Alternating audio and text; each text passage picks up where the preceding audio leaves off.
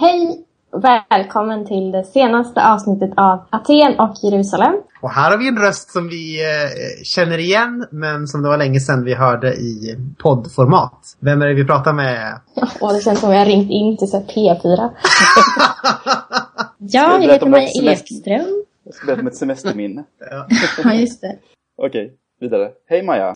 Hej, jag heter Maja Ekström och jag eh, är känd från avsnitt, blir det? Kanske ni minns? Jag tror att det är tre. Oh, Eller är den det- tredje. Ja. Eller är det fjärde avsnittet? Det kan vara fjärde. Det är nog fjärde avsnittet. Dec- december är det. Mm. Så är det. fick jag ju äran att bli intervjuad. Jag är teolog och bor i Lund i Skåne. Och jobbar Eh. på bokhandel. Ja, precis. Jag är kollega med Simon, typ. Precis. Vilken uppgradering ändå. Du, du börjar som gäst i podden och nu är det här i, som ja, gästredaktionen. Ja, jag, jag, jag tror att jag bjöd in mig själv att intervjua.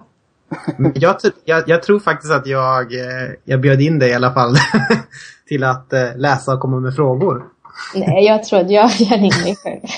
Du är hemskt välkommen i alla fall. Det känns kul. Ömsesidigt att i alla fall. ja, kul att eh, få vara med och få läsa den här boken. Ja, vad är det vi har läst och av, och av vilka? Vi har ju läst en bok som kommer ut när som helst som heter Mystik och politik, befriande kristendom och är skriven av Annika Svalde och Pelle Stringlund. Och Annika är diakon i Svenska kyrkan som för närvarande jobbar som sjuksköterska, tror jag. Och eh, hon är ja, aktivist, kan man säga. Eh, och eh, Pelle, tillika aktivist. Och författare, vilket han eh, lite blygsam nästan inte kallar sig för. Nej. Skrivit böcker, tror jag han sa. Mm. Ja. Jag något sånt där mått att det är vissa som inte kallas författare förrän de har skrivit tre böcker. Jaha. Men eh, Jag tänker att om man har skrivit någonting i sin dator så får man kallas författare. Om någon annan som har läst någonting som man har skrivit. Eh, Annika och Pelle är ju också gifta. Ja, just det. Värt att notera. Det är, det är ett spännande avsnitt på det sättet att vi pratar eh, en del om till exempel eh, djurrättsfrågor och så. Och eh, där eh, har vi ju, där jag är ju en eh, köttätare. Eh, karnivor. Eh, och Simon är karnivor. I och för sig så bor jag nu i ett vegetariskt eh, kollektiv som innebär att jag äter vegetariskt ungefär fem dagar i veckan, men ändå. det, det, finns Äh. det finns ett töntigt namn för det. Vadå? Flexitarian. Flexitarian. Ja, precis. Ja, Bara en helt vanlig blandkostare. ja precis. Eh, ungefär som vi alltid ätit. Men eh, du är ju, eh, Maja, du är ju eh, ordförande i någonting. Ja, jag är ordförande i en förening som heter Vildåsnan. Som är en kristen vegetarisk förening. Just det. Så det här är en fråga som engagerar mig många timmar i veckan. Och de kan man följa lite överallt, typ Instagram och Facebook och så här, Vildåsrorna. Ja, precis. Vi är lite överallt. Som Guds rike eller något sånt. Ja. Jag är också en vän till Annika och Pelle. Och jag brukar kalla mig för medarbetare också, men det kanske är lite... Eh, ja, att göra en för stor grej av kanske mitt eget verk. Men eh, så jag är... Kan, ja, jag är väl lite partisk, men eh, ehm, så är det. Jag är vän med er också. Det är, det är många blygsamma titlar som far runt här nu. Jag tycker inte medarbetare är så högmodigt att säga. Eh, ska vi gå in för själva intervjun? Eller Ja, Vi har väl egentligen ingen tid att förlora så vi går raskt vidare till vårt samtal med Annika Spalde och Pelle Strindlund. Håll till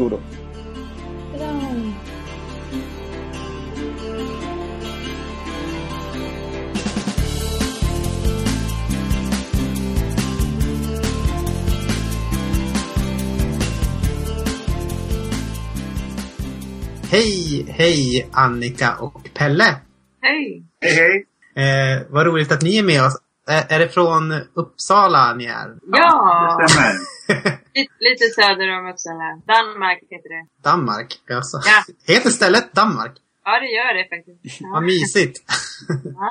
För de som inte känner er så bra, hur skulle ni presentera er? Ja, jag eh, har en examen i teologi. Har eh, jobbat som eh, aktivist eh, ideellt under många år, mer eller mindre på heltid. Mest för antimilitarism och avrustning och till avvecklingen av den svenska vapenexporten eh, samt djurens rättigheter. Mm. Jag har också, har också skrivit några böcker i olika konstellationer på teman som jag brinner för som icke-våld, djurrätt, civil olydnad, eh, ja, sen en kristen eh, take på de här olika ämnena.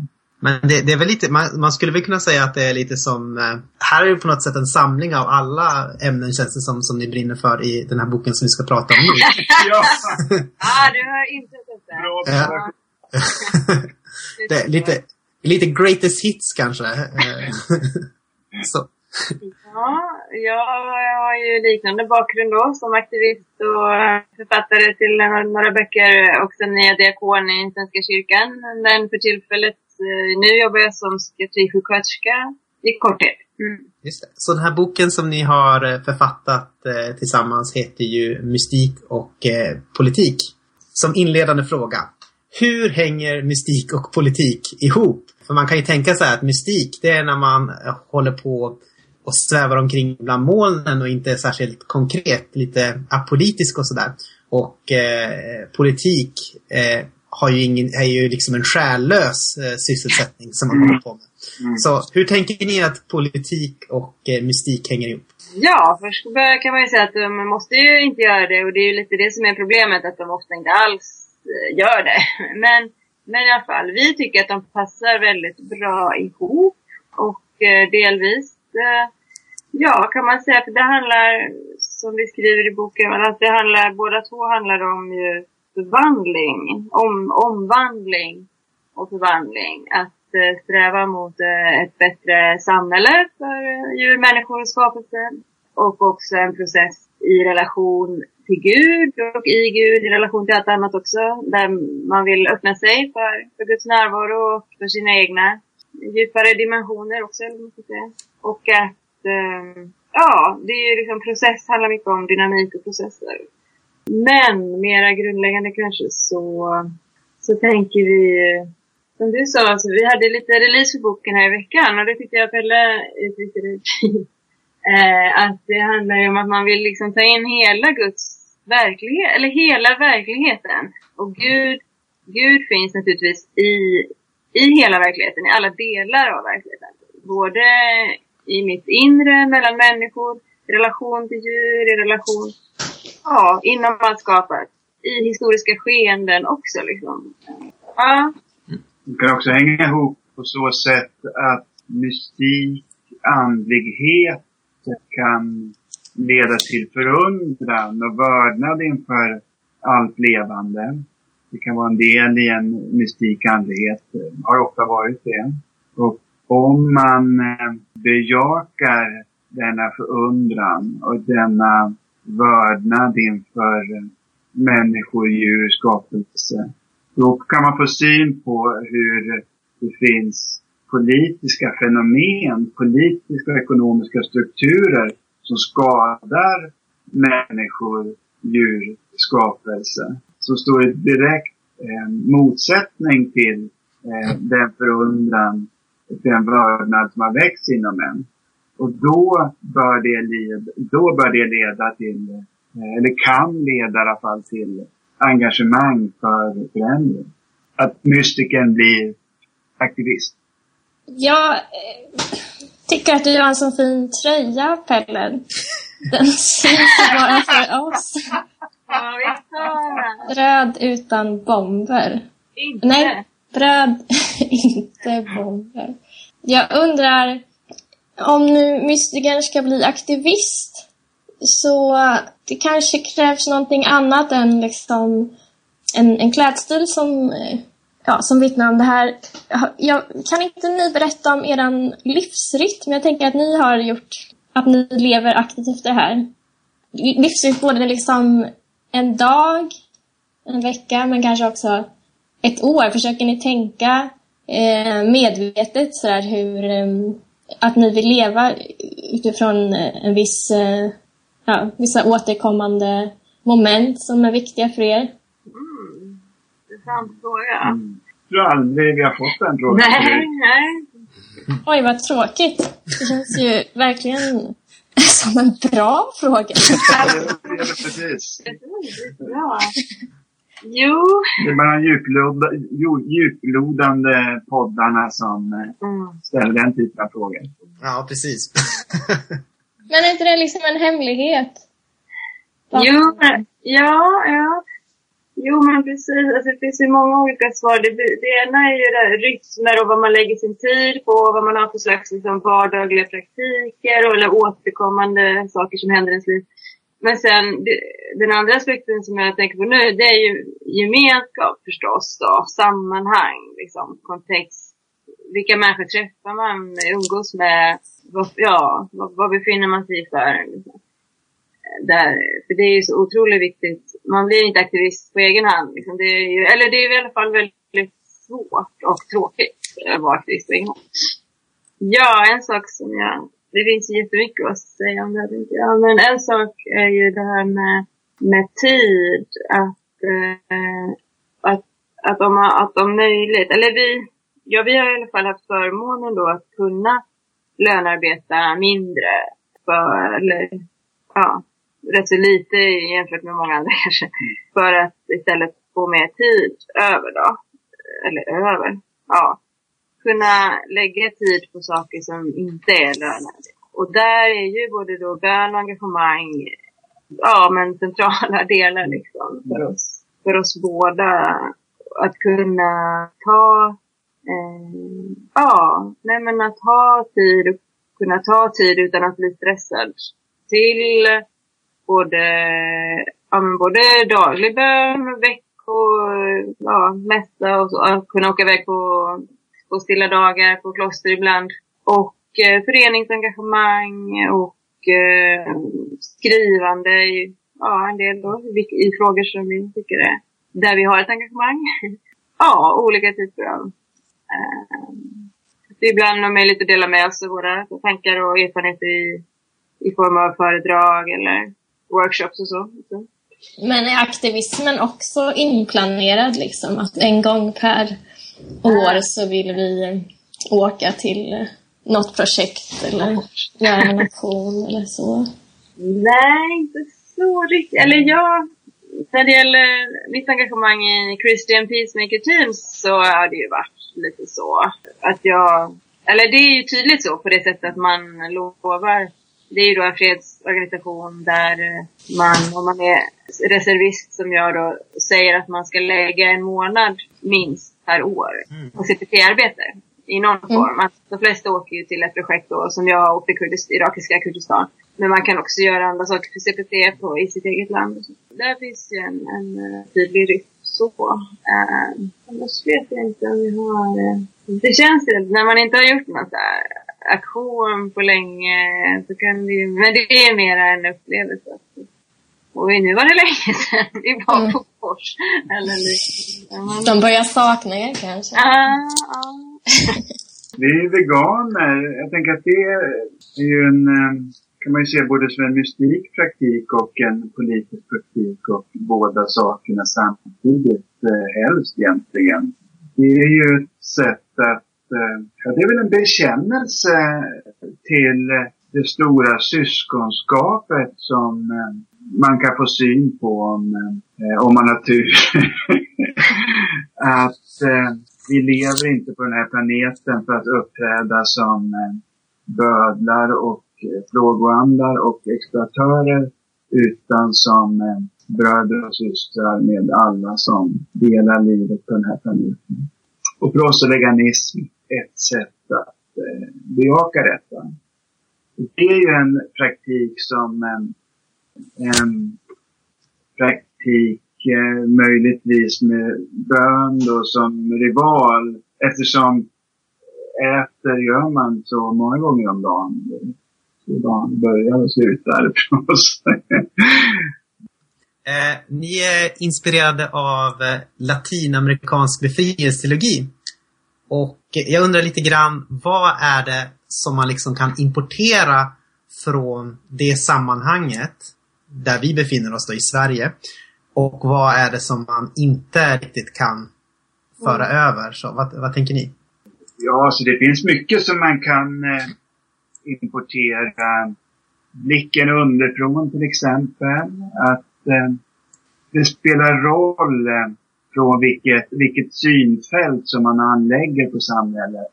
Man ser olika saker eh, nerifrån eh, och uppifrån. Eh, vi pratar om veganism här. Låt oss testa bara det perspektivet. Om man ser Sverige från hönornas perspektiv, grisarnas perspektiv, kycklingarnas perspektiv. Då får man en helt annan bild av Sverige än den här eh, en modern demokrati i ett civiliserat land. Då, då framstår Sverige som en, en, en, en ytterst brutal regim där eh, de starka utsätter de svaga för skoningslöst våld.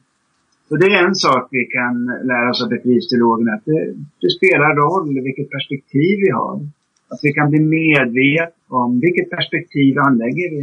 Och att det kanske är svårt att göra på teoret, eller det är ju bra i och för sig då om man, om man försöker ta in det här, reflektera över det och sådär. Men samtidigt så har vi ju praktikens betydelse då. Och i relation till detta kan man väl säga att är man själv i mångt och mycket en, en privilegierad person eller lever ja, en privilegierad ställning liksom. Så som många av oss i Sverige gör eh, i medelklass och överklass, då, då är det väldigt värdefullt eller nästan nödvändigt kanske om man vill, i alla fall om man då vill inspireras av befrielseteologi, att söka upp eh, någon grupp eller några individer som är mindre privilegierade för att just för att det liksom är svårt att veta hur verkligheten ser ut, hur samhället ser ut från deras perspektiv. Och man, eh, ja, man behöver ju liksom prata med, lära känna dem för att få, få syn på det Och djuren är svårt att prata med dem, men man kan ju närma sig deras verklighet på andra sätt. Så där är väl också den här insikten att, att teori och praktik måste gå hand i hand och att de befruktar varandra eh, och att eh, och det tänker jag är en större liksom, insikt om det kristna livet som ju många, jag vet inte, har ni intervjuat Kristoffer eh, och Tobias om efter Kristus kanske? Eller? Ja, det har vi gjort. Ja, mm. just det. Jag tänker det är liksom är ju det en annan vinkel på, på samma liksom, fråga där. Praktikens betydelse. Att vi behöver mycket så här, experimentera i Eh, Guds rikes eh, livshållningar, eller vad ska säga. För att vi kan inte bara sitta och tänka oss fram till vad det innebär. Vi måste pröva, vi måste leva dem. Ja, och det finns ju med här också. Då. Det finns ingen neutralitet. Det skulle kunna vara en annan eh, insikt som vi kan eh, ta till oss. I en värld i ett samhälle där det finns orättvisor. Så liksom, det är en illusion att tro att man kan vara neutral där. Utan antingen så tar man ställning mot orättvisorna. Ja. Och väljer man att inte ta ställning, då har man tagit ställning för den rådande orättvisa ordningen. Det tror jag är en viktig insikt, särskilt för, för kristna och kyrkfolk. Jag tror att vi eh, vi kan frestas att eh, vilja inta den där positionen. Eh, liksom vara mellan de stridande parterna eller att inte liksom eh, gå in och tydligt ta ställning. För att, eh, ja, det kan också, man kan också, den, där, den kan också förkläs den där eh, positionen som alltså är en eh, egentligen en medlöperi-idé. Att, eh, jag tar inte ställning. Eh, det kan också förkläs som en slags eh, nyanserad ståndpunkt. Att eh, ja, här, här bråkas det och det finns två parter och eh, men eh, ja, jag ser inte svartvitt på saker och ting utan eh, är en mogen och nyanserad person. Så att därför så håller jag mig lite på avstånd. Mm. Alltså, och då skulle kristeologerna säga direkt att eh, hålla dig på avstånd, det är att ta ställning för den rådande ordningen. Utmanande budskap män. så, så radikala är det bara vi bor. Man brukar ju prata om så här att frälsas till någonting eller frälsas från någonting. Jag vet inte om ni känner igen det. Jag tänker lite så här samma här. Befrias vi från någonting eller befrias vi till någonting? Och ja, jag vet inte, men det blir så lätt att vi tänker att vi ska befria någon annan, kanske djuren eller de eh, förtryckta kvinnorna som lider av det patriarkala språket eller vilka det nu kan vara. Men ni pratar om ett perspektivskifte. Ja, det handlar ju mycket om sin egen roll och delaktighet. Och sen, du frågade ju innan ja, eller liksom, vad kan man inte importera? Eller vad blir skillnaden då för oss eh, svenskar i relation till latinen, fattiga latinamerikaner? Då, nej, men en stor skillnad är ju att se eh, vår del i, i förtrycket. Då. Vad är det som eh, vad är det som vi, på vilket sätt bidrar vi? Och kanske inte så mycket som individer, utan men ja, som, som samhällen och gemenskaper i det som i slutändan liksom får konsekvenser och drabbar folk runt om på jorden. Och eh, ja, vapenexporten är en sån fråga som har engagerat oss då, liksom där tydligt det är så otroligt tydligt att våld utgår från våra städer och, och drabbar andra. Eh, nej, ja, apropå befria sig själv så kan man ju tänka att eh, ja, jag tänker att det är en process där naturligtvis att vår egen befrielse finns med men på ett lite annat, på ett, på ett inte helt okomplicerat sätt kanske för att för det kan göra ont eller det kan liksom vara utmanande och det kan vara inte så roligt alltid kanske heller att liksom se på det, på det så. Hur bidrar jag eller mina sammanhang till förtryck? Men att, att det kan också vara befriande att, att gå mot Ja, men om man, säger, om man tar mat, matvanor som ett konkret exempel så, typ så är det ju det väldigt tydligt tycker jag har varit för mig en liksom befriande upplevelse. Att jag inte behöver, att det är så enkelt som det är att få leva, eh, kunna handla och äta eh, utan animalier. Liksom. Det är ju fantastiskt skönt och att jag, att jag får, att jag har möjlighet att liksom slippa vara direkt, på det direkta sättet bidra till, till djurförtryck. Jag tror att, eh, oj förlåt. Eh, ja, nej det var lite långt här. nej men jag, jag tänkte det, det är en teolog som heter Graham Ward, jag tror han skrev, eh, jag läste en bok nyligen, att vi lever i en här antropocen värld, alltså där mänskligheten är det som påverkar allra Nej. mest. Och då säger han det att eh, frälsningen av människan innebär hela skapelsens frälsning, typ. Eh, på det sättet eftersom ja, det påverkar så mycket. Vad heter han så? Eh, Graham Ward. Hur skulle mm. ni säga, hur har ni lärt känna Gud genom aktivism? Mm. Ja, nej men jag, det var ju en stor fråga. Men... Öppen! Vidöppen! Ja. Jag tänker att uh, i att vissa aspekter av verkligheten har jag fått komma närmare, eller har drabbat mig genom min aktivism. Till exempel, nej men det ondas destruktivitet. Till exempel, som, och då tänker jag att det här är att lära känna Gud för att jag är övertygad om att att det här är saker som dra, liksom, drabbar Gud. Också eftersom Gud lider med alla som lider och, och eh, ja, är djupt liksom, involverad i vad som händer på den här jorden. Så att när man då, apropå den här t-shirten, så gjordes den då i, eh, i samband med en kampanj för många år sedan mot de brittiska kärnvapnen som jag eller var engagerad i. Jag menar, att komma nära, det ger en helt annan liksom, känsla det här med kärnvapenfrågan kan ju åtminstone för oss här i Sverige verka lite så på ett visst avstånd och lite teoretiskt kanske. Men när man då, som så ofta när det gäller icke-våldsaktivism, så försöker man ju komma nä gå nära, liksom, att komma närmare eh, källplatserna där våld och förtryck liksom, sker eller uppstår. Och när man då står och ser de här gigantiska kärnvapenbestyckade ubåtarna, då, liksom drabbar det en på ett helt annat sätt. Det blir ju konkret och verkligt och det blir och så hela apparaten runt omkring med taggtrådsstängsel och soldaterna som vaktar och ja men alltihopa.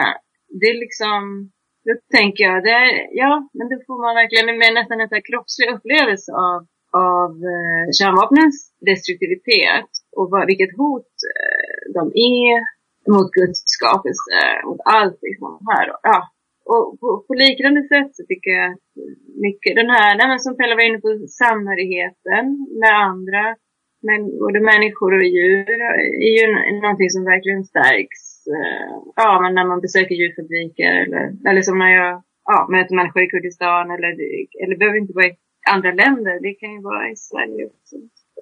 Och, och att då få en känsla för eh, liksom att vi alla är, är, ingår i, vi alla är förbundna med varandra genom Gud, som är ja, min tro då. Det blir en mer levande förståelse av det.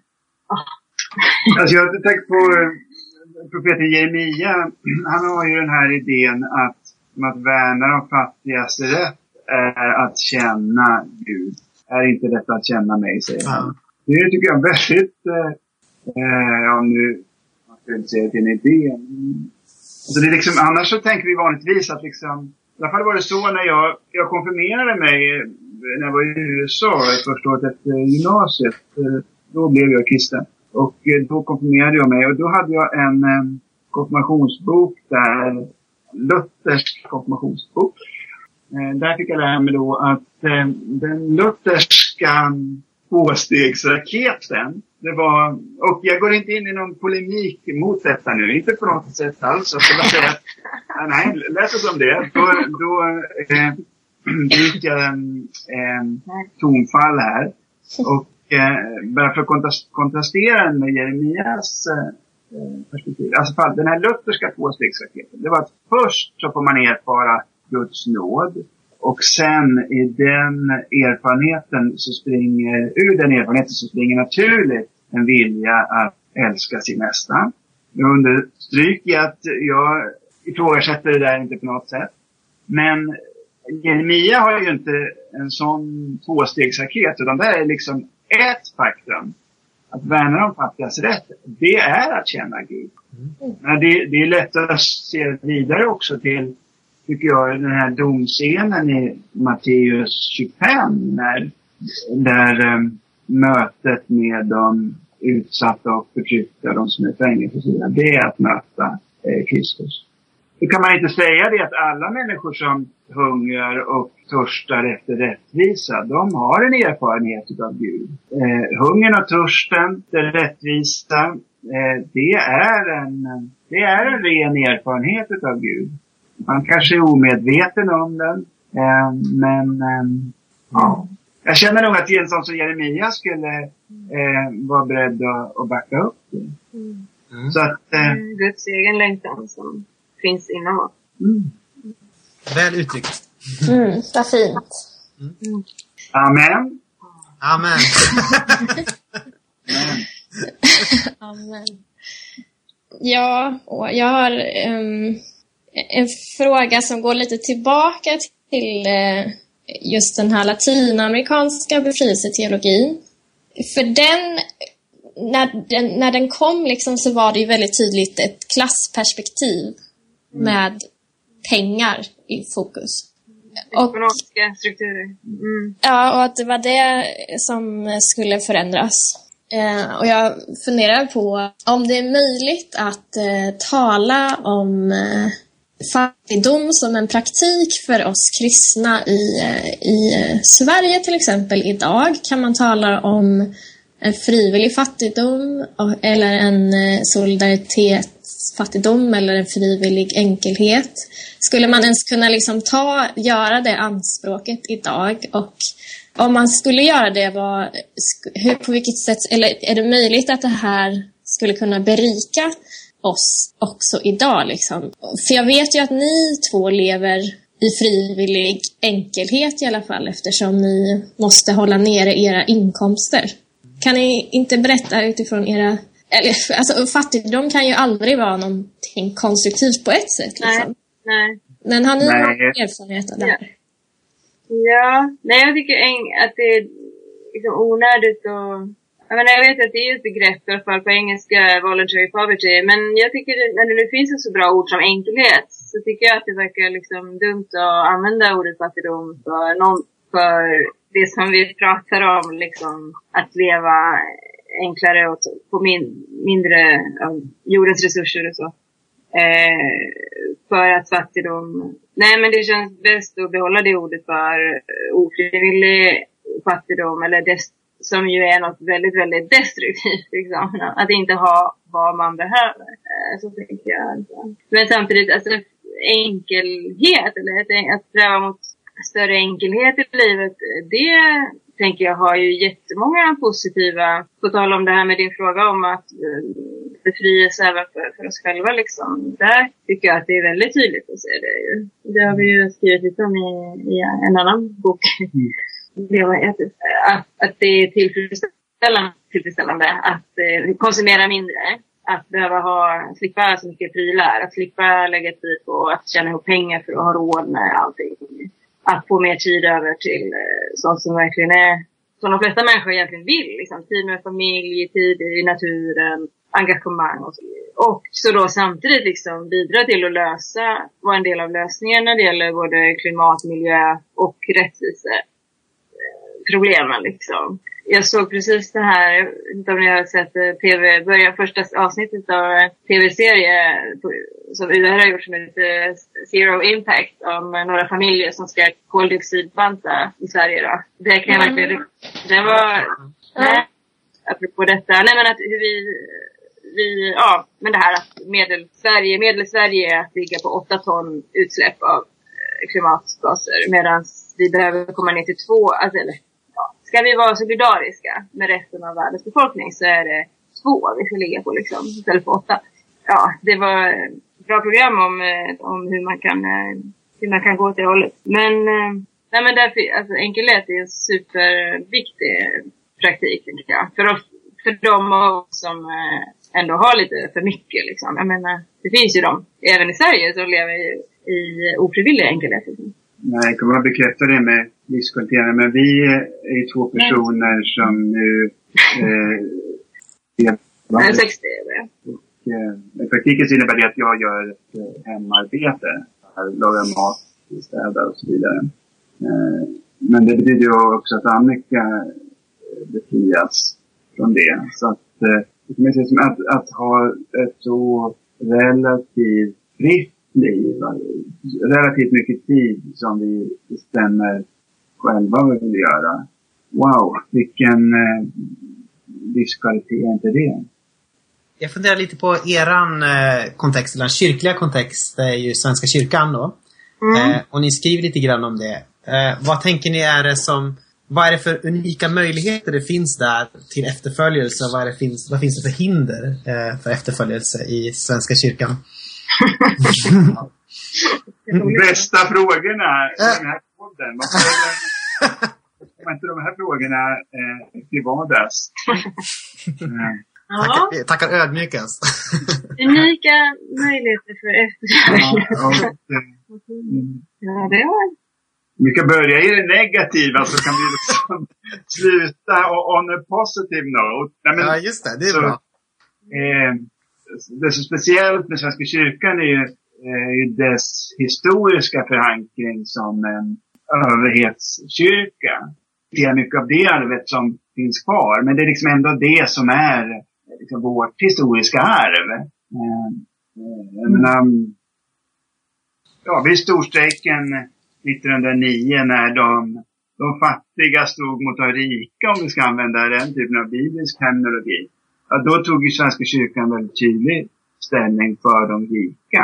Ehm, alltså arbetsgivarna eller arbetsköparna. Så det är ju ett, ett historiskt arv som, som vi har i Svenska kyrkan som kan eh, ja, gör liksom att villkoren för, eh, för efterföljelse är eh, liksom lite speciella. Det är skillnad tänker jag med om man kommer från frikyrkan som har ett mer frihetligt arv. Mm. En annan aspekt eh, kanske är det här just eh, folkkyrkotanken och idealet att alla, ibland känns det som att det kan bli så i alla fall, att eftersom det är så viktigt att eh, alla ska vara med, alla ska få kunna känna sig hemma och välkomna, då så uppmuntrar man inte så mycket kanske de som vill, ja men eh, kanske leva kommunitetsliv eller liksom leva, leva ut sin kristna kallelse på ett lite annat sätt. Liksom. det är som att alla ska eh, gå till församlingen och det är där allt händer. Och, och att eh, det, man får inte bli elitistisk och man får liksom inte, ja det kan finnas en rädsla också för det här med gärningsrättfärdighet. Faktiskt eh, fortfarande att liksom Eh, ja, vi kanske inte ska prata för mycket om, eh, om, om sådana här saker som har med vår livsstil att göra. Utan det kan bli, det kan bli lite känsligt. Ja, sådana såna aspekter eh, är ju kanske tydligare i Svenska kyrkan kan jag tänka mig än, än, än i många andra samfund. Ehm, mm. Jag kom på ett annat problem och det är den här uppfattningen som finns på sina håll att eh, som Svenska kyrkan är en evangelisk-luthersk kyrka så argumenterar en del att Luther hade en tvåregementeslära som innebär att kyrkan inte ska lägga sig i politiken. Det här är en rätt vanlig argumentationslinje. Svenska Dagbladets ledarsida har, har um, åberopat Lutherdomen mot um, som den Svenska kyrkan har tagit eh, politisk ställning till exempel i klimatfrågan. Ann Heberlein gjorde det i, eh, i december i en debattartikel på, på Expressen. Så det, det är liksom ett, en sån föreställning som finns att eh, kyrkan får inte ta politisk ställning eftersom två tvåregementesläran förbjuder det. Och där då man ska nu gå över till möjligheterna, där får man ju börja med att ställa sig frågan, ja, hur var det med Martin Luther själv då? Avstod han från att ta politisk ställning? Inte alls. Han tog politisk ställning hela tiden. Ehm, I en mängd olika frågor. Ibland eh, dålig politik, eh, sett ur vårt perspektiv, och ibland eh, mycket bra politik. Eh, som till exempel vid en, eh, en konflikt där eh, två små första kan vi säga var på väg att drabba samman om överhögheten över en stad. Och då engagerade sig Luther starkt för att kriget inte skulle bryta ut. Och han uppmanade soldaterna till att desertera ifall de fick order om att gå till anfall. som ju naturligtvis var ett, liksom ett eh, väldigt kraftigt Eh, väldigt kraftig olydnad att desertera. Eh, så det är ett exempel på Luthers eh, politiska engagemang. Ett annat exempel är, som vi tar upp i boken, som jag tycker är ett jätteintressant exempel. Det är hur Luther agerade mot ocker, alltså att låna ut pengar mot ränta. Eh, det var så att 1549 så var det en eh, missväxt i Luthers hemstad, Wittenberg. Och då eh, då började spannmålshandlarna eh, lagra spannmål för att driva upp priserna. Eh, och det betyder att de fattiga fick låna pengar för att kunna köpa bröd och det drev upp räntan så att ockrarna, alltså de som lånade ut pengar mot ränta, de gjorde goda affärer. Det här var en situation som Luther Eh, var mycket upprörd över. Och först så bad han statsledningen att agera i den här frågan, stoppa ockret, eh, spekulationen, hungersnöden. När ingenting hände så skrev han en mycket stark eh, uppmaning till de reformatoriska prästerna att de måste predika mot ockret. Eh, ockraren var en, var en avgudadyrkare som tjänade mammon och det måste prästerna eh, predika från predikstolen. Och eh, Luther förstod att eh, prästerna skulle möta eh, kritik för detta. och Ockrarna skulle häckla dem i, eh, under gudstjänsten. Men han sa till sina präster att ni måste predika ändå. En del präster ville inte predika för att de kände att de var inte så insatta i ekonomi. Det är ett slags argument som man kan höra även idag. Att präster som anser sig veta för lite för att uttala sig i politiska och ekonomiska frågor. Men Luther sa att ni får predika mot ockret ändå. Ska man vänta tills man har blivit fullärd ekonom, då får man vänta till den yttersta domen. Mm. Det här är ett exempel när Luther som teolog går in och engagerar sig i en politisk fråga till försvar för de fattiga och kräver att prästerna ska göra detsamma. Så att det tycker jag är ett liksom relevant exempel för idag att präster och företrädare för den svenska kyrkan ska absolut engagera sig och ta ställning för de fattiga och de förtryckta. Liksom, eh, vi ska inte vara rädda för det här argumentet att på regementesläran förbjuder Svenska kyrkan från att ta politisk ställning.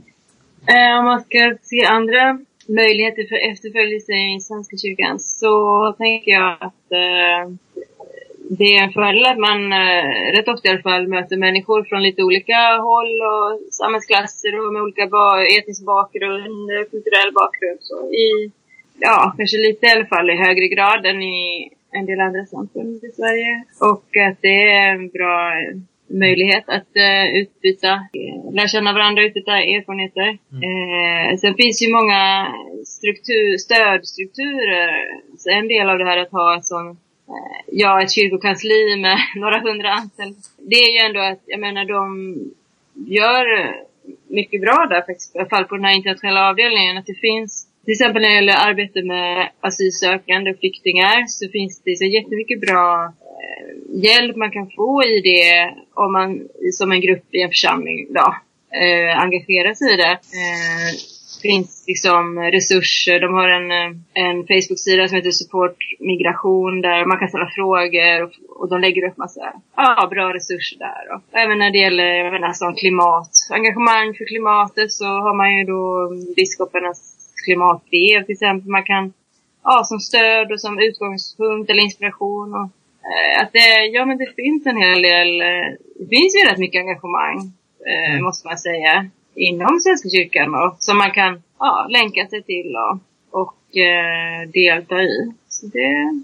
det är bra. Maja, jag tänkte att vi hoppar den här frågan som är härnäst och så kan du gå på dina frågor förresten. Ja, okej. Okay. Det här är ju en, en fråga som liksom inte är så tydlig kanske, men som under tiden jag har läst er bok har så här bubblat inuti mig. Och jag tycker att det här är en jag har inte sagt det, men att jag är så glad över den här boken. Jag tycker den är toppen bra bok som jag kommer rekommendera. Både jag och Simon jobbar ju i bokhandlar här så att eh, det är alltid bra att ha vänners böcker inne så kan man tipsa om dem när folk vill ha en rekommendation. ja, jag, jag, är väldigt glad för att, att det är en så bra bok. Eh, jo, men att jag eh, funderar på det här med, med resultat ska vi se om jag kan ändå försöka formulera någonting. Men när jag läser den här boken, som ju består av dels liksom lite mer teologiska och teoretiska, väldigt in initierade och eh, sakkunniga avsnitt. Men, men sen så är det ju också blandat med minnesbilder eh, och berättelser från eh, era resor som följeslagare i Hebron och i med Christian Peacemaker Teams i Kurdistan eller era um, aktioner mot eh, vapenindustrin här i Sverige och så vidare. Och, eh, och jag förstår liksom att under de här eh, resorna och så vidare så har ju ni påverkats av att eh, träffa människor där. Och de här människorna, människomötena, det har förändrat er och det har förändrat säkert dem också. Och det påverkar ju mig som läsare. Jag, jag känner när jag läser att världen blir större. Den flyttar in i mitt hjärta och gör mitt hjärta större. Men, eh, men vad mer liksom? Räcker det med att jag sitter i en skön fåtölj och blir mer empatisk? Eller ska det liksom leda vidare till att jag också lämnar min sköna fåtölj och mitt hem och åker till Irak eller till Lesbos? Eller var är det förändringen ska ske? Ska den ske? Räcker det att den har skett i mig eller eh, liksom räcker det att se det lilla resultatet? Kan vi ens påverka det stora resultatet? Förstår ni var jag vill komma någonstans? En är aspekt, resultatet viktigt? Förlåt, Pelle. En aspekt av din fråga är lätt att svara på. Det var om eh, den där delen, ska jag åka till Lesbos eller Kurdistan. Och det, det, det är vi tydliga med i inledning till boken. Att vi, vi delar med oss av våra erfarenheter. Eh, lite i, i, i anda att låta teori och praktik växelverka. Så att vi, vi, vi delar med oss av de här berättelserna. Men vi håller absolut inte upp dem som någon mall att kopiera. Utan läsaren får själv känna fram, tänka fram vad hon eller han eh, vill göra. Om hon eller han vill göra någonting. Men då, då kanske det inte blir någon förändring för de här människorna. Eller i världen. Jo, men... Eller... ja, men du har ju ett engagemang, Maja. Du leder en jätteviktig förening till exempel, råkar jag veta då. Som är en kristen vegetarisk förening. Ja, nej men det handlar väl mycket om att Ja, det är en svår fråga. Jag tänkte säga att så frön och att tro på, ja men som Jesu liknelse som senapskornet, eh, tänker jag på ibland i det här sammanhanget. när det är svårt att se resultat.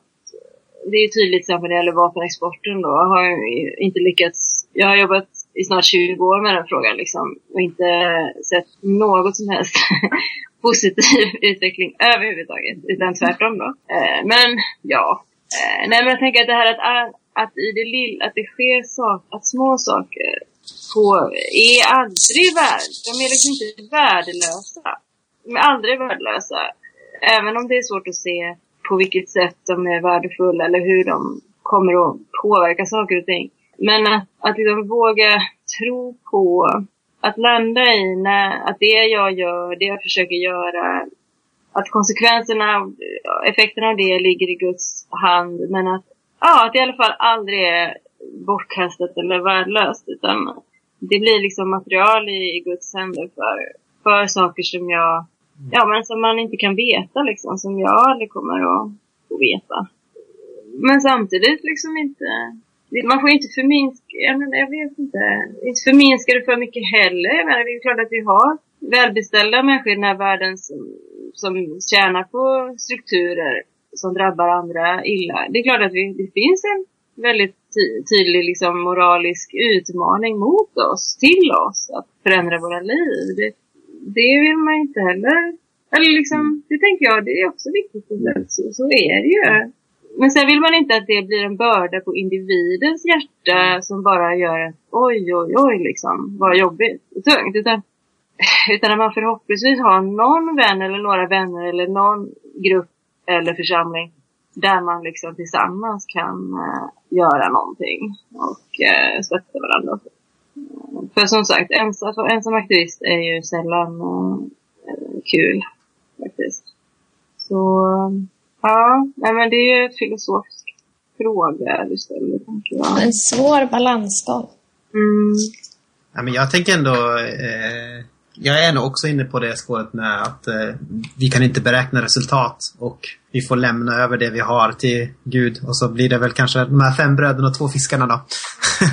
som, mm. kanske, som kanske kan delas ut till någon annan också. Mm.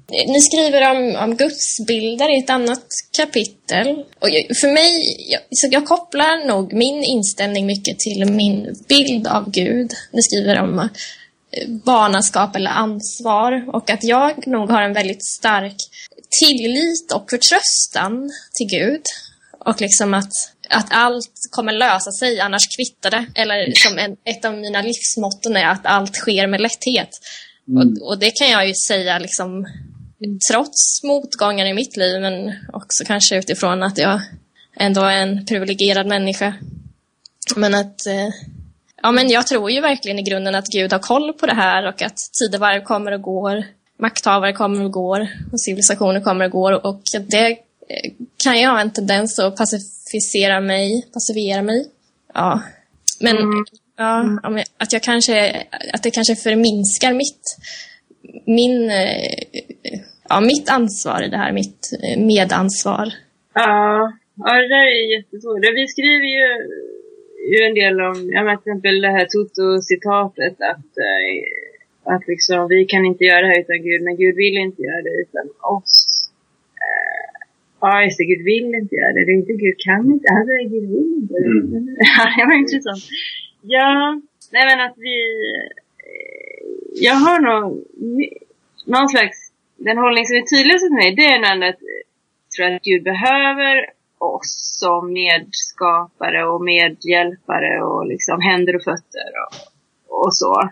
Men samtidigt så har jag ju Julian of Norwich i bakhuvudet som säger som hörde Gud säga att all will be well and all will be well. Mm. Uh, all manner of things will be well. Allt kommer och, allt ligger i Guds händer och allt kommer att bli bra. Det där är ju en paradox liksom. Eller ja, det går inte riktigt ihop. Vad skulle du säga? Mm.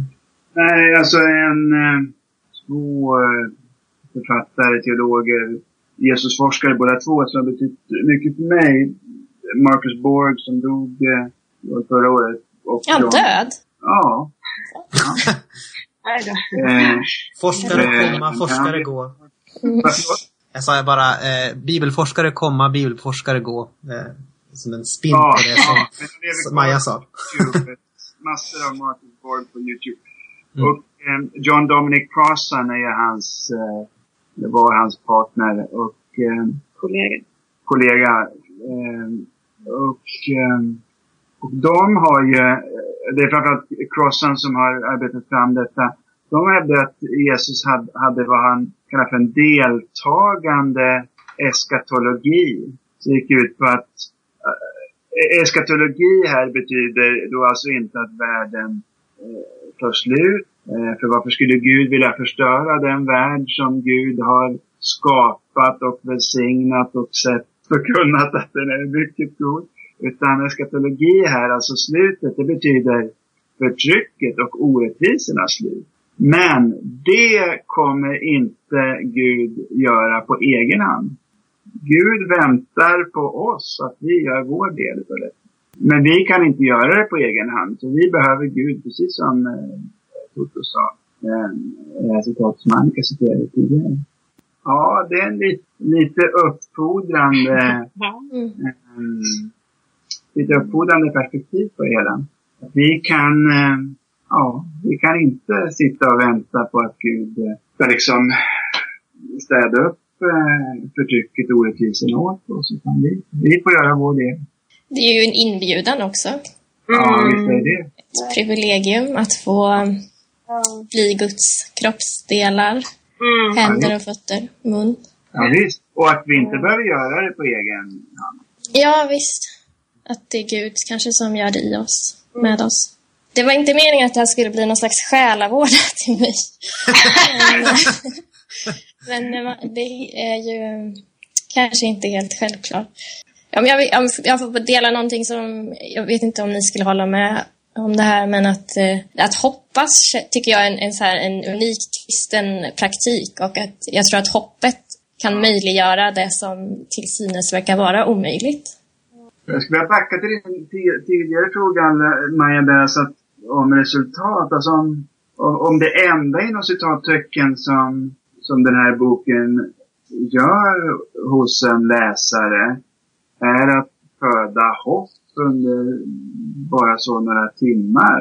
Eh, då skulle jag tycka att det var en, en fullt tillräcklig anledning att skriva boken. Du sa tidigare att eh, du hade upplevt något i stil med att världen blev större. Minns jag det rätt, Maja? Mm, precis. Det är ett jättefint eh, tillstånd att befinna sig i. Jag, inte, att, jag vill inte se ner på det tillståndet. Det är ett väldigt fint tillstånd. Så om det bara skulle vara det som genereras hos, hos läsaren, ja men låt oss, låt oss då se det, eh, det vackra, det stora. Ja, ja. Tack för svaret. Vill Simon ställa en fråga? ja, alltså, jag har ju eh, fokuserat på den sista tredjedelen här av boken så det är därför jag ramlar in först nu här. Ja!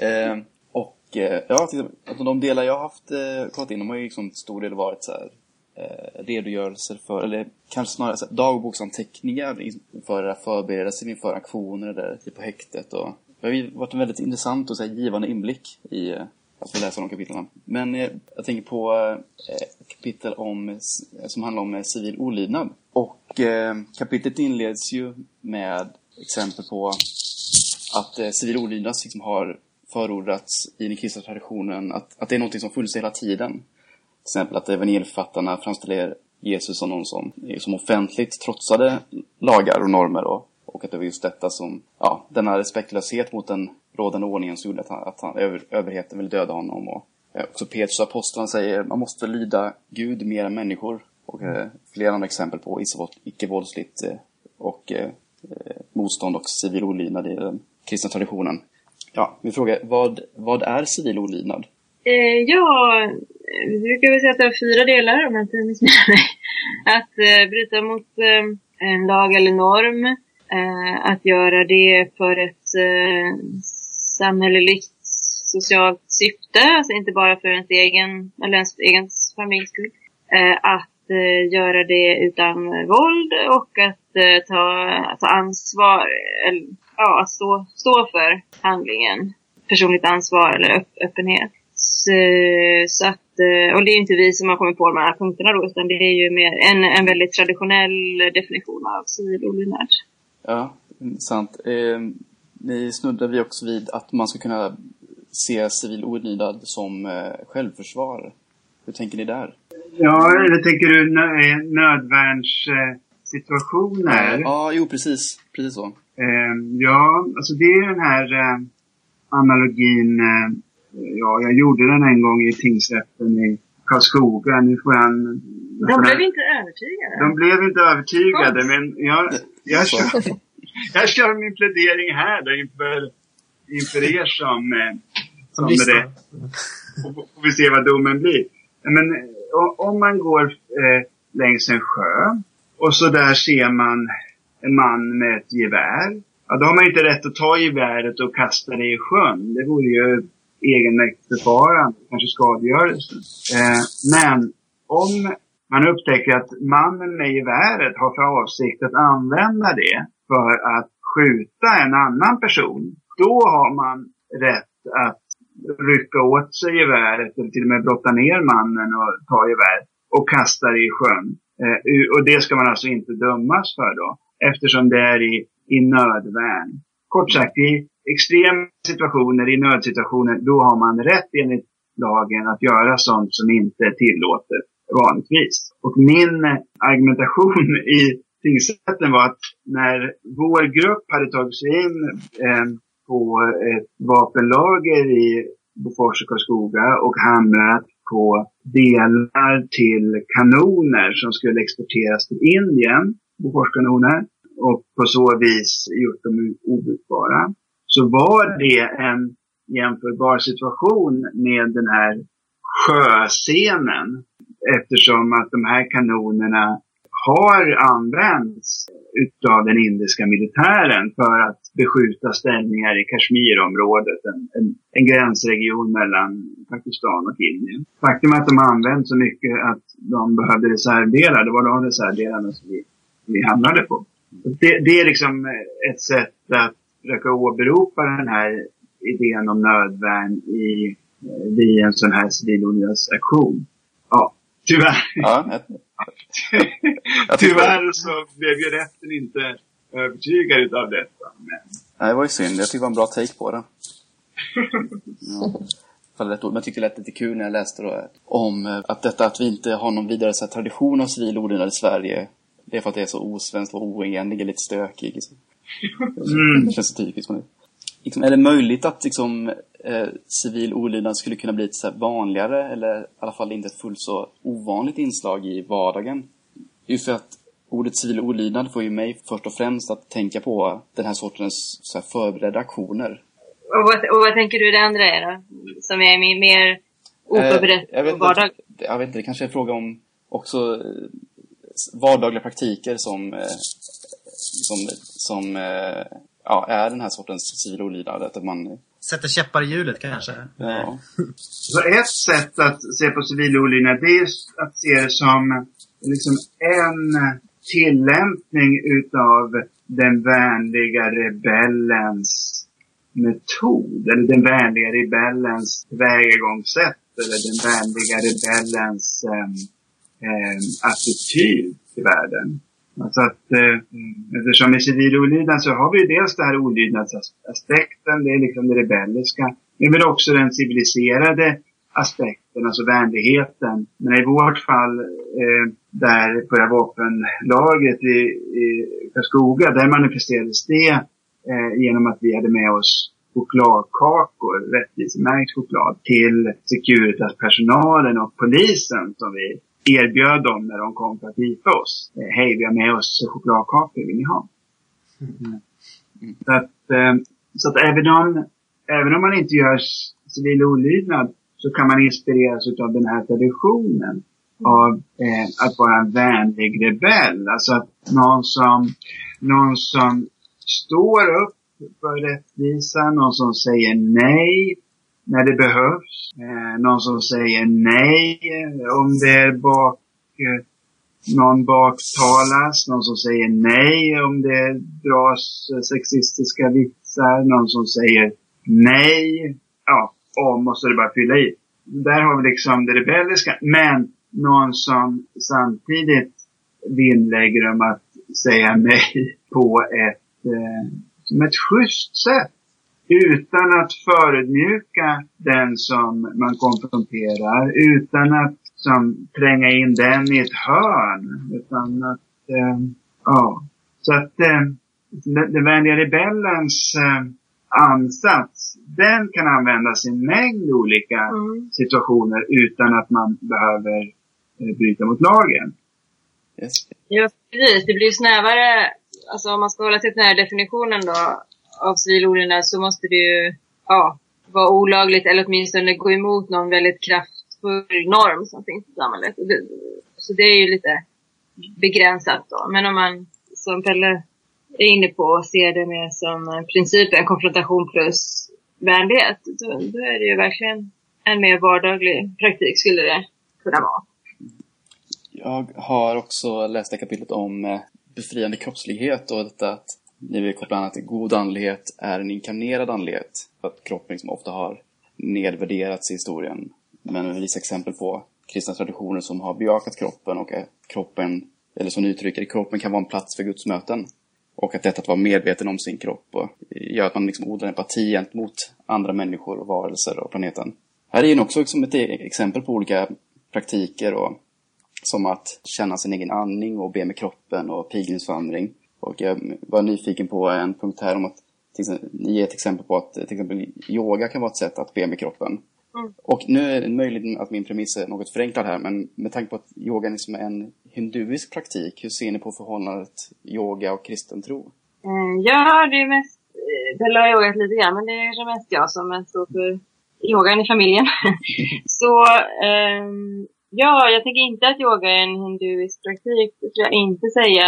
Däremot så har den ju uppstått eh, framförallt i Indien. Dock inte, har inte yoga så väldigt gamla rötter eller så religiösa rötter som, som vissa yogautövare idag eh, vill låta, ja, få det att låta som.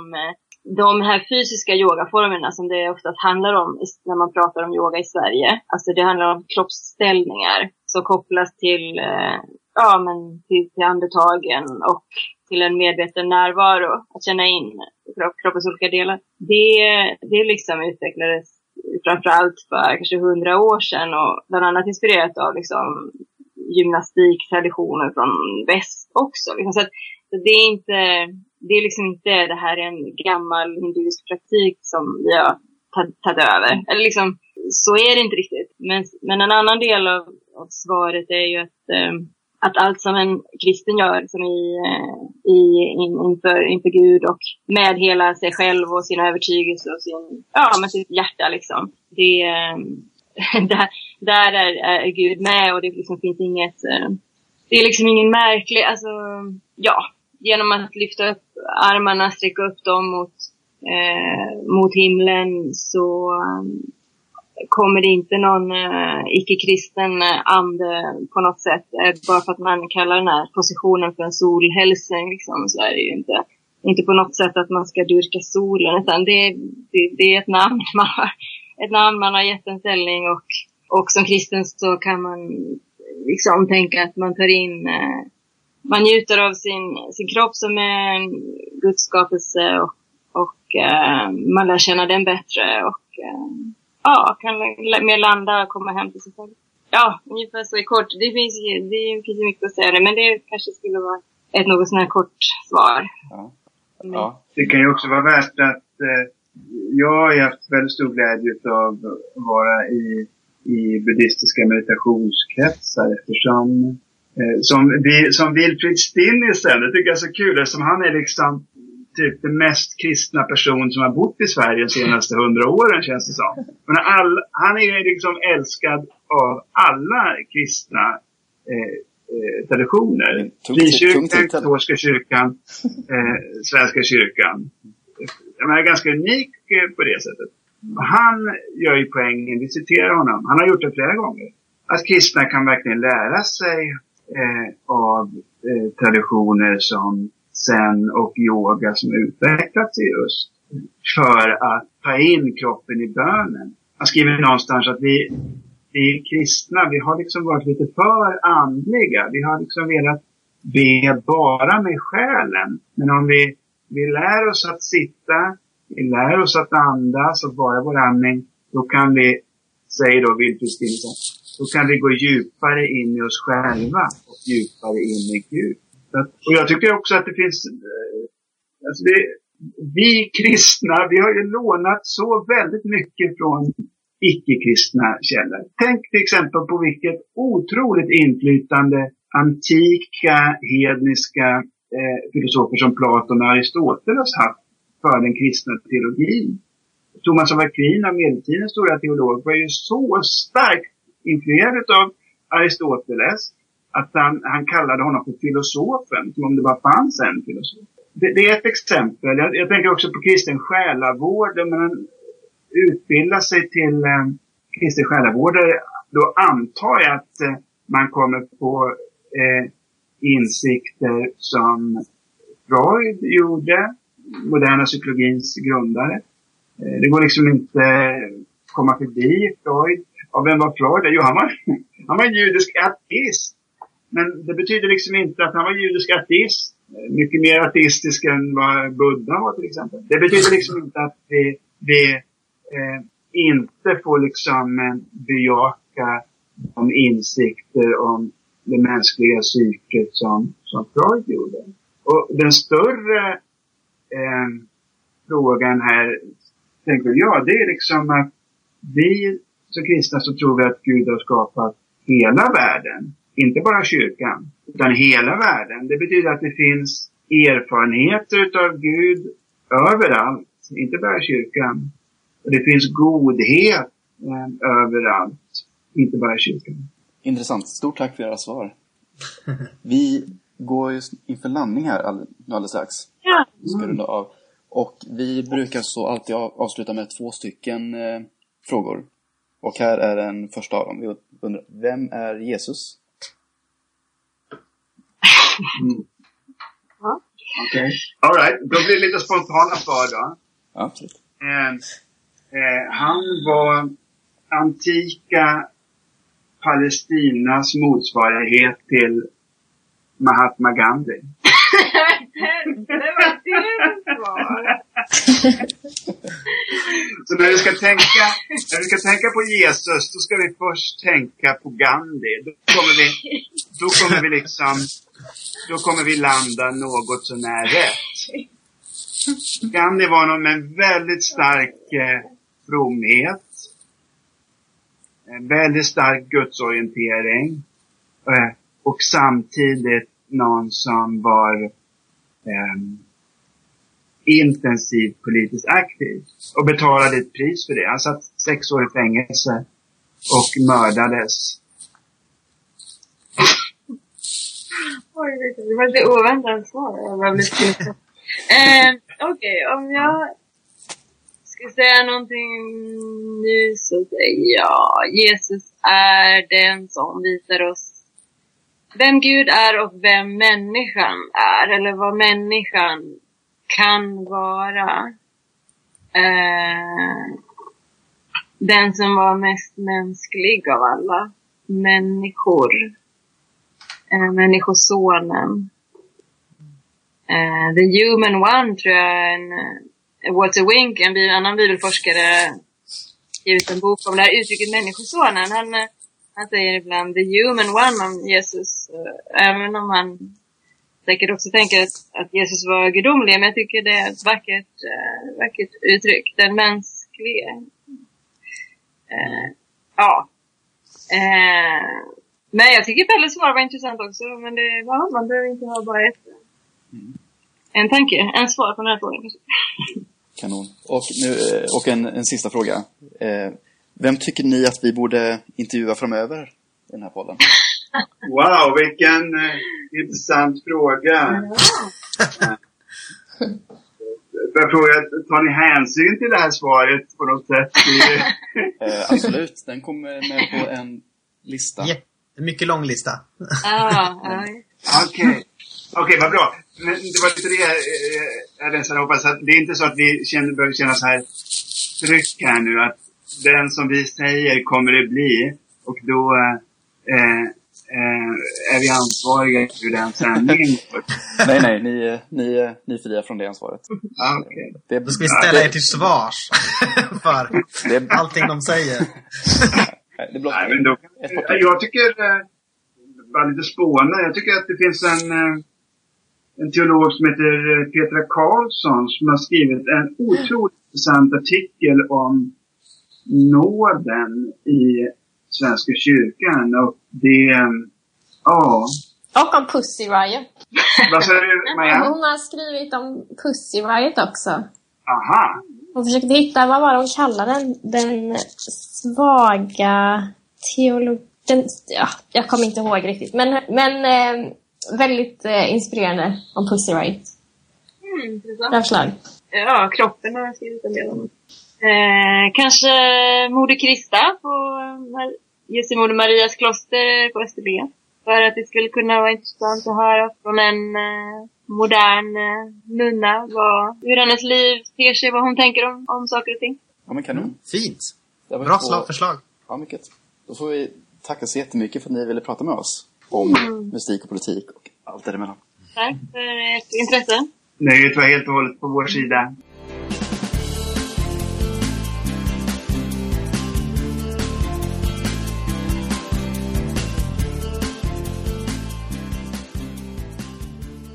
Så, välkomna tillbaka från vårt samtal med Annika Svall och Pelle Strindlund. Det här var väl trivsligt? Mm, det tycker jag. Ja, de är så fina tycker jag att lyssna på. Vet du, någonting som jag verkligen uppskattade med den här intervjun, eh, det var att, eh, att bara sitta och lyssna på era kloka frågor och sådär. Det kände mig väldigt upplyft av det. Det var trevligt. Jag kan tänka mig det eftersom du är den som brukar hålla taktpinnen allt som oftast annars. Jag bara, bara maler på och hör min egen röst hela tiden. Du har, du har, Nej, men det, du har verkligen... Nu har jag ju fått lite så här ba, eh, insyn i hur ni jobbar och det är ju så Anton att du skickar ut ett manus till Simon för mig vad vi ska säga. Jag skickar inte ut ett manus, jag bara sammanställer frågorna som vi har bollat, vill jag påpeka. Och en lämplig ordning för dem. Som och vi frångick. Att, yes. Ja. ja. men det är i alla fall någonting. Men för att främja flödet så har det varit bra med så här, med, med så här, den här är din, den, den här tar jag. Slipper man säga mm. det. Mm. Uh, vad skulle ni vilja hugga tag i den här intervjun? Var det någon, är det någonting speciellt ni skulle vilja säga något om? Ja, jag... Åh oh, nej! För all del Maja, kör du. Jag tänker på hur pålästa Annika och Pelle är. Att det här är ju människor som verkligen har läst mycket och det märks ju också i deras de här berättelserna som finns i boken. Hur mycket böcker de läser. Mm. Och liksom hela den här, det här samtalet är ju extremt välfyllt med eh, information och fakta och eh, kunskap och eh, reflektioner. Inte, också erfarenheter förstås. Ja men verkligen. Och jag tänker, jag menar, det, att de läser väldigt brett är ju också någonting som jag är imponerad av. Alltså de läser dels sådana författare som jag eh, väldigt mycket uppskattar. Liksom som till exempel eh, James McClendon och, och så. Och dels sådana här som jag kanske är, som jag i min tradition är kanske lite mer främmande för och så här. Och så gör man väldigt spännande synteser. tycker jag. Så det är liksom skrivet liksom brett teologiskt register på något sätt. Mm. Och det påminner oss om att vi åter borde bli en läsarrörelse. Just det. Och det, och det har ju ni ett egenintresse av, ni som arbetar i bokaffärer. mm. En eh, bokköparrörelse. ja, precis. Ja, men, eh, jag tänker också, eh, alltså, som bok så är den väldigt lättillgänglig, väldigt bra, och så. Och eh, sen så finns det vissa saker som jag liksom kanske personligen har lite svårt för. Då, som till exempel, vi var inne där på slutet på till exempel den här eh, eh, yoga-grejen och så. Och där är väl kanske, ja, de betonar väldigt mycket i sin bok att man ska vara öppen liksom för andras andlighet och andras andliga erfarenheter. Så. Och jag brukar ju, jag har ju hållit på med lite religionsdialog och sådär. Så det tycker jag att, att man ska vara. Men eh, samtidigt så kan jag vara lite så här försiktig kanske över att liksom ta över saker från andra andliga traditioner utan liksom urskiljning. Eh, vilket de säkert har. Men för att jag kan tänka att, eh, att dels kanske man har olika slutmål i olika religioner. Så jag tänker till exempel i, i buddhismen så är det på något sätt att inse att man har, att man inte är eller att, man, att själen inte finns. Liksom så. Och då blir man befriad. Och eh, så. Att ens person inte finns på ett sätt. Eh, och då kommer man till den ultimata befrielsen. Och kristendom tänker jag att det är mer att, att man blir liksom mer den person man ska vara i kontakt med personerna, Fadern, Sonen och Anden och sådär. Så jag kan vara lite så här, mm, ja, mm. Men samtidigt finns det väldigt mycket som jag är väldigt eh, glad och tacksam över den här boken. Och när det kommer till politik så tänker jag att den är väldigt spot on. Så. Hade ni något på det?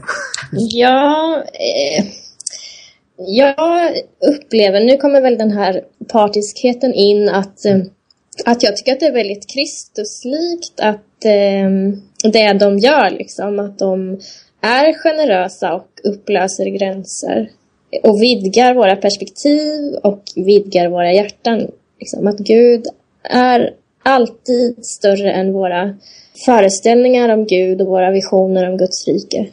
Och sen, alltså jag tycker Pella verkligen gör en bra poäng där att vi tar in andra saker från, från annat håll, andra religioner som vi inte alls ifrågasätter eller är medvetna om. Och jag kan också tänka liksom mer samtida fenomen liksom, som märks av i, i vissa gudstjänster. Alltså som kanske kan handla om mer till synes ytliga saker men hur vi utformar en gudstjänst. Retorik och Mm. Och, där och, håller jag... och rummet liksom och ja. Och där håller jag med. Till exempel så finns det väldigt mycket så här management-teori som man bara tar in okritiskt i många kyrkor och sånt där som jag kan tycka är... Det är också en sorts andlighet på ett sätt som kan vara destruktiv. Eller inte kristen i alla fall. Ja. ja ofta kommer ett språk som det känns eh, främmande och märkligt också att använda i. Precis. Jag vet inte. Som, ja. jag vet inte, som kanske effektivitet eller produktivitet, jag vet inte. Mm. Men ja, precis. Jag är väl lite mer så här typ Je Christ, eh, Jesus från Nasaret universalistisk på det sättet att jag tänker att jag vet inte. Att eh, omsluter hela mänskligheten fast bara i och bara i och genom kors och uppståndelse. Så. Och, men det kan man också upptäcka på något sätt i olika traditioners spår och eh, liksom ekon av det. Typ. Kan jag tänka. Mm. Och det här med yoga också och hinduism och så. Mm. Där tänkte jag också på att, eh, att göra vår tro mer kroppslig. Vi pratar om att, att landa i oss själva och så. Att, att det känns ju extra aktuellt just nu med fastetiden. Absolut. Som mm. inleds ja, när vi spelar in här på onsdag. Men eh, att, eh, att det verkligen är ett erbjudande för oss kristna, eller för, ja, att, eh, att placera vår efterföljelse mer i vår egen vardag, hos oss själva och inte kanske i, ja, vissa kyrkor kanske erbjuder insamlingskampanjer i länder på andra sidan jorden, men fastan skulle kunna vara ett erbjudande om att om att känna eh, Guds verk i oss själva. Förstår ni mm. vad jag menar? Absolut. Eller ja, ja kanske. Jag fattar. Vi tror att du fattar. Ja, men, och det är bara jättebetydelsefullt och också liksom ett samtal som känns allt mer eh, närvarande i idag. Att eh, det här med kropp liksom. Och Pelle och Annika är ju inne på det, eh, apropå det här med matvanor, att eh, det är ett sätt att på något sätt uttrycka tro med sitt liv. Eller med, med, uttrycka tron med sin kropp kan, kanske man kan säga. Med vad man väljer att äta och inte äta. Och så. Mm, precis. Mm, verkligen. Och mer, mer rörlig tro åt folket. Men är inte det en befriad tro? En rörande, ja det tror jag. Eller hur tänker du? Ja, att den är befriad från att vara statisk. Från att vara liksom i en liten låda. Och på så sätt är ju Annika och Pelle befriande teologer Mm. till oss i, i Sverige. Det som de ju... Ja. De vill ju eh, skapa en befrielseteologi för dagens Sverige. Och jag tänker att eh, de är... Nej men just det att de, de är väldigt fantasiutvidgande teologer skulle jag säga på ett sätt. Att de ger utrymme för fantasi och att tänka vidare. Typ. Och att föreställa sig Guds rike. Mm. Och att liksom tillåtas att också få um, tro att Gud fin eller att Guds rike finns i den tanken och i den längtan. Att det inte är någonting fjärran. Utan att det är någonting som är här precis just nu. Verkligen. Ehm, ska vi gå in för landning? Har inte Simon något att säga? Simon, har du något att säga? Yes, så, alltså, som jag sa nu i samtalet här, jag har ju hunnit eh, läsa de delar jag skulle nu till det här samtalet. Men jag ser fram emot att ta och läsa resten här nu. För att, eh, ja, jag, jag tycker det är en väldigt bra bok. Jag uppskattar alltid sådana här eh, ansatser, sådana här sorters böcker där man eh, eh, vill eh, på riktigt hålla ihop tro och liv och ge, ge idéer och liksom trigga ens fantasi. Eh, ja, tumme upp härifrån. Mm. Ja, med de orden så avrundar vi det här avsnittet. Tack så jättemycket Maja för att du var med den här gången. Ja, tack för detta runda bordssamtal. Själv. Eh, och eh, ja, att jag fick bjudas in att läsa bok. Ja, åter. Och gilla oss på Facebook, följ oss på Twitter eh, och rekommendera den här för en vän så hörs vi nästa gång. Hej! Hej.